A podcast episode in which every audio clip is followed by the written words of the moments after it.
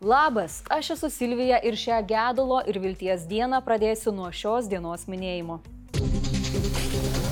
Šiandien Lietuvoje minima gedulo ir vilties diena, skirta prisiminti ir pagerbti nukentėjusiuosius nuo sovietų represijų.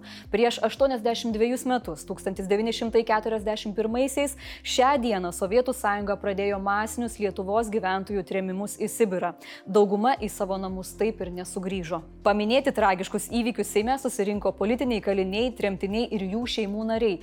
Taip pat prezidentas, kadenciją baigė šalies vadovas Valdas Adamkus, aukščiausiosios tarybos atkuriamojo Seimo pirmininkas pirmininkas Vytautas Landsbergis ir kiti garbus svečiai. Viktorija Čimilytė Nilsen pabrėžia, kad neišprovokuota karinė agresija prieš Ukrainą daugiausia yra sovietinės totalitarinės sistemos recidyvas. Mūsų istorinė patirtis sako, su šita nužmoginta sistema neįmanoma susitarti. Neįmanoma jos atžvilgių likti neutraliam. Jos veikimo būdas - prievarta. Ji pripažįsta tik jėgą. Kitaip tariant, nieko naujo. Vadinasi, ir pralaimėjimas garantuotas, nes Sovietų sąjunga juk sugriuvo. Lietuvos laisvės kovų sąjūdžio dalyvio Stanislavo Vitkaus dukra, Lietuvos laisvės armijos kario Alfredo Dauginio anūkė, Seimo narė Monika Navickienė sakė, kad geriausia, ką galime padaryti, tai niekada nepamiršti. Šiandien kiekvienas savo pažadėkime, kad neužmiršime tų, kuriems turime būti dėkingi, kad esame laisvi atversti ir parašyti naują, nenugalėtos Lietuvos istorijos puslapį. Tik taip teisingumo, laisvės ir tiesos idėjos išliks amžinomis. O premjerė priminė, kad šiandien dėl laisvės kaunasi ukrainiečiai. Mes jiems galime ir turime būti atrama. Žinote, kas gali būti dar geresnė atrama? Skambutis 1482. Tai patvirtina ir jo ekscelencija, sakydamas, kad raudonasis teroras pasibaigs, kai Ukraina laimės. Pirmą kartą Europos parlamentas oficialiai minėjo masinius sovietų vykdytus trimimus. Briuselėje buvo skaitomos po Sibirą ir kitas vietas išblaškytų už laisvę kovojusių tremtinių pavardės. Akcija Atminties neištremsi vyksta visoje Lietuvoje. Jei turėsit laiko, nuvažiuokit prie naujosios Vilnius geležinkelio stoties memorialo ir tylos minutę pagerbti pagerbkite trėmimų aukas bei pasakokite iš kartos į kartą, koks buvo mūsų kelias į laisvę. Kaip diena, taip rusiškos raketos skrenda žudyti ukrainiečių. Nesirimuoja, bet tiesa. Teroristai raketomis kalibr apšaudė Odesą. Viena jų pataikė į mažmeninės prekybos tinklo sandėlį, sukėlė didelį gaisrą ir pražudė tris darbuotojus. Dar dešimtį žmonių sužeidė. Liūdna ir tai, kad raketose buvo daugiau kaip 40 užsienyje pagamintų komponentų. Tai reiškia, jog mikroelektronika iš vakarų kažkaip patenka į Rusiją. Taip pat apšaudytas Kramatorskas ir Konstantinivka. Ten irgi žuvo mažiausiai trys žmonės, dar keli sužeisti. Vengrija po truputį pasivėja karma. Vyriausiasis JAV užsienio reikalų komiteto respublikonas senatorius Jamesas Richas užblokavo 735 milijonų dolerių vertės ginklų pardavimą Vengrijai. Teigiama, jog tai yra bausmė už Orbano vyriausybės atsisakymą pritarti Švedijos narystėje NATO. Norit Haimar sistemų? Leidžia Švediją į NATO. Štai ir sužinos vengrai, ar Orbanui svarbiau Rusija, ar pati Vengrija.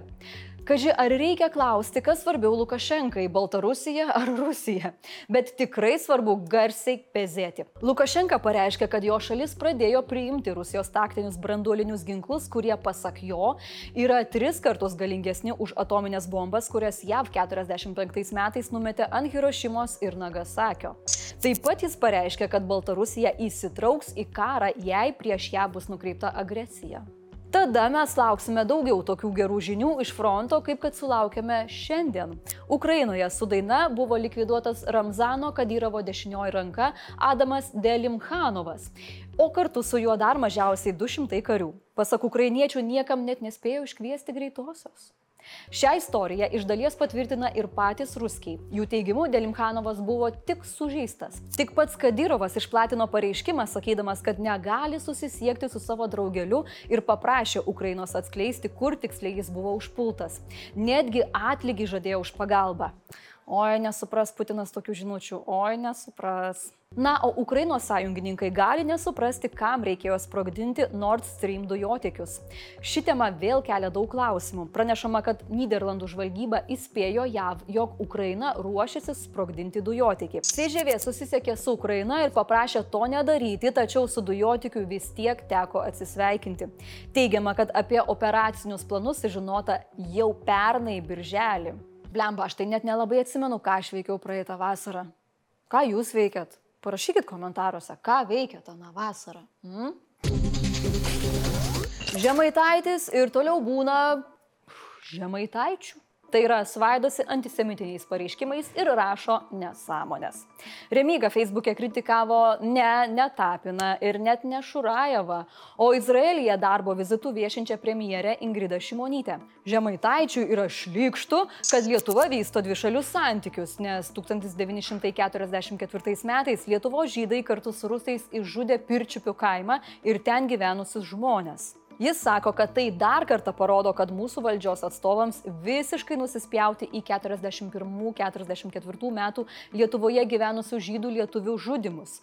O, čia ta prasme, kad Lietuvoje gyvenę žydai žudė lietuvius. Ne kad lietuviai prie žydų genocido prisidėjo, o atvirkščiai.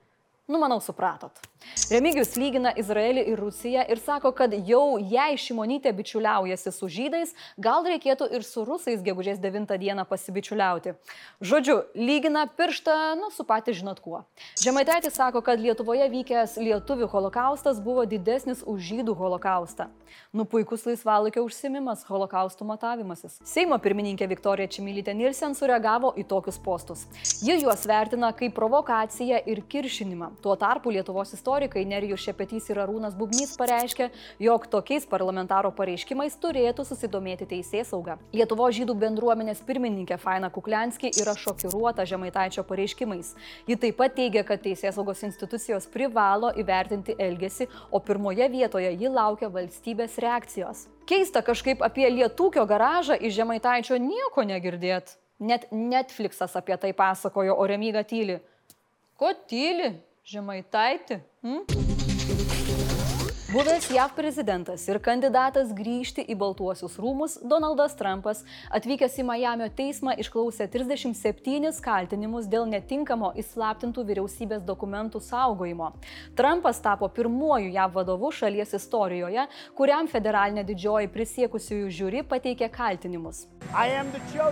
Donaldo padėjėjas ir bendras kaltinamasis Voltas Nauta taip pat buvo suimtas, paimti jo pirštų atspaudai. Nieko nuostabaus, kad Trumpas paneigė mestus kaltinimus. Tada jis nuvyko į kubietišką restoraną, kur nuoširdžiai pasveikino laukiančius remėjus. Teismo procesą jis dar kartą pavadino politiškai motivuotu ir palygino tai su persekiojimu fašistinėse ar komunistinėse šalyse.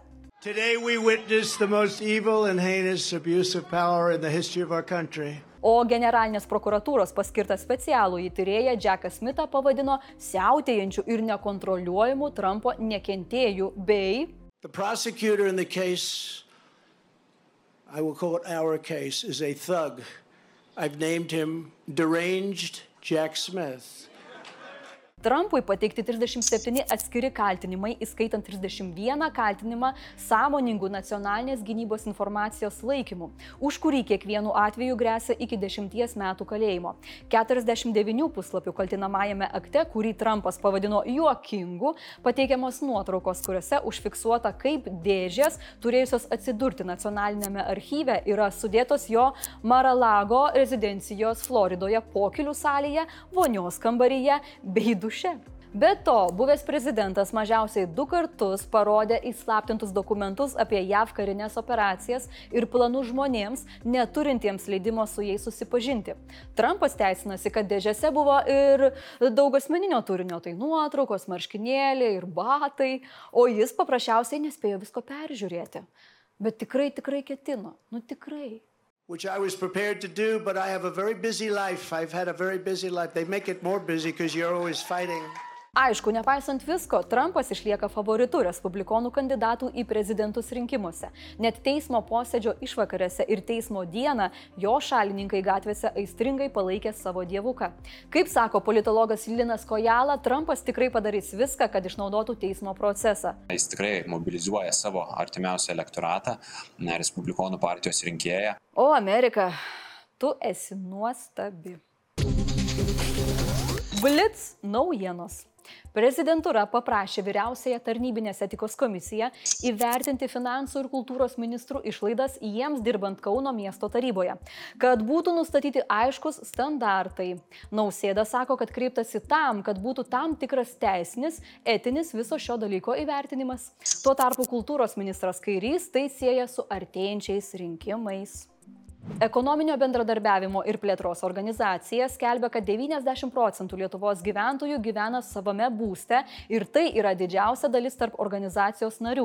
Taip pat skelbiama, kad šalyje yra didelis atotrukis tarp prastos ir geros energetinės kokybės būstų. Todėl sprendimų prieimėjams kyla nemažai iššūkių. 20 metų duomenimis Lietuva yra trečioje vietoje EBPO pagal didžiausią būsto energetinės klasės atotrukį. Jei rinkimai į Seimą vyktų šį sekmadienį, daugiausia rinkėjų rinktųsi socialdemokratus. Po jų Demokratų sąjunga vardan Lietuvos ir valstiečius. Už trejotuko ribų liktų konservatoriai. Vertinant atskirus visuomenės veikėjus, palankiausiai įvertintas buvęs šalies vadovas Valdas Adamkus. Nepalankiausiai įvertinti konservatorių ir Laisvės partijos lyderiai Gabrielius Landsbergis ir Aušrinė Armonaitė. Mėlyjei, priminsiu šios dienos nuostabų klausimą. Tai ką jūs veikėt aną vasarą? Mm, mm, mm. O va čia kažkas mane nufilmavo šį rytą. Tikra tiesa. Tikra tiesa.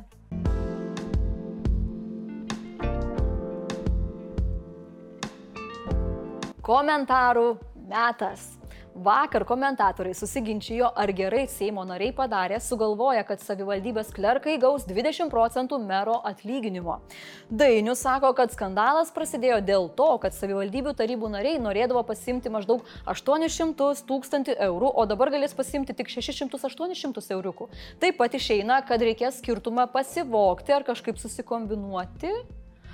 Auridas, Auridas, Auridas paskaičiavo, kad pagal tai, kiek darbuotojai praleidžia laiko darbe, Seimo narys gauna maždaug 13 eurų už valandą. O pavyzdžiui, Kauno tarybos narys gaus 60-80 eurų už valandą. Nu gal visai ir neblogai. O šiandien sakau ačiū Jums ir tiek žinių.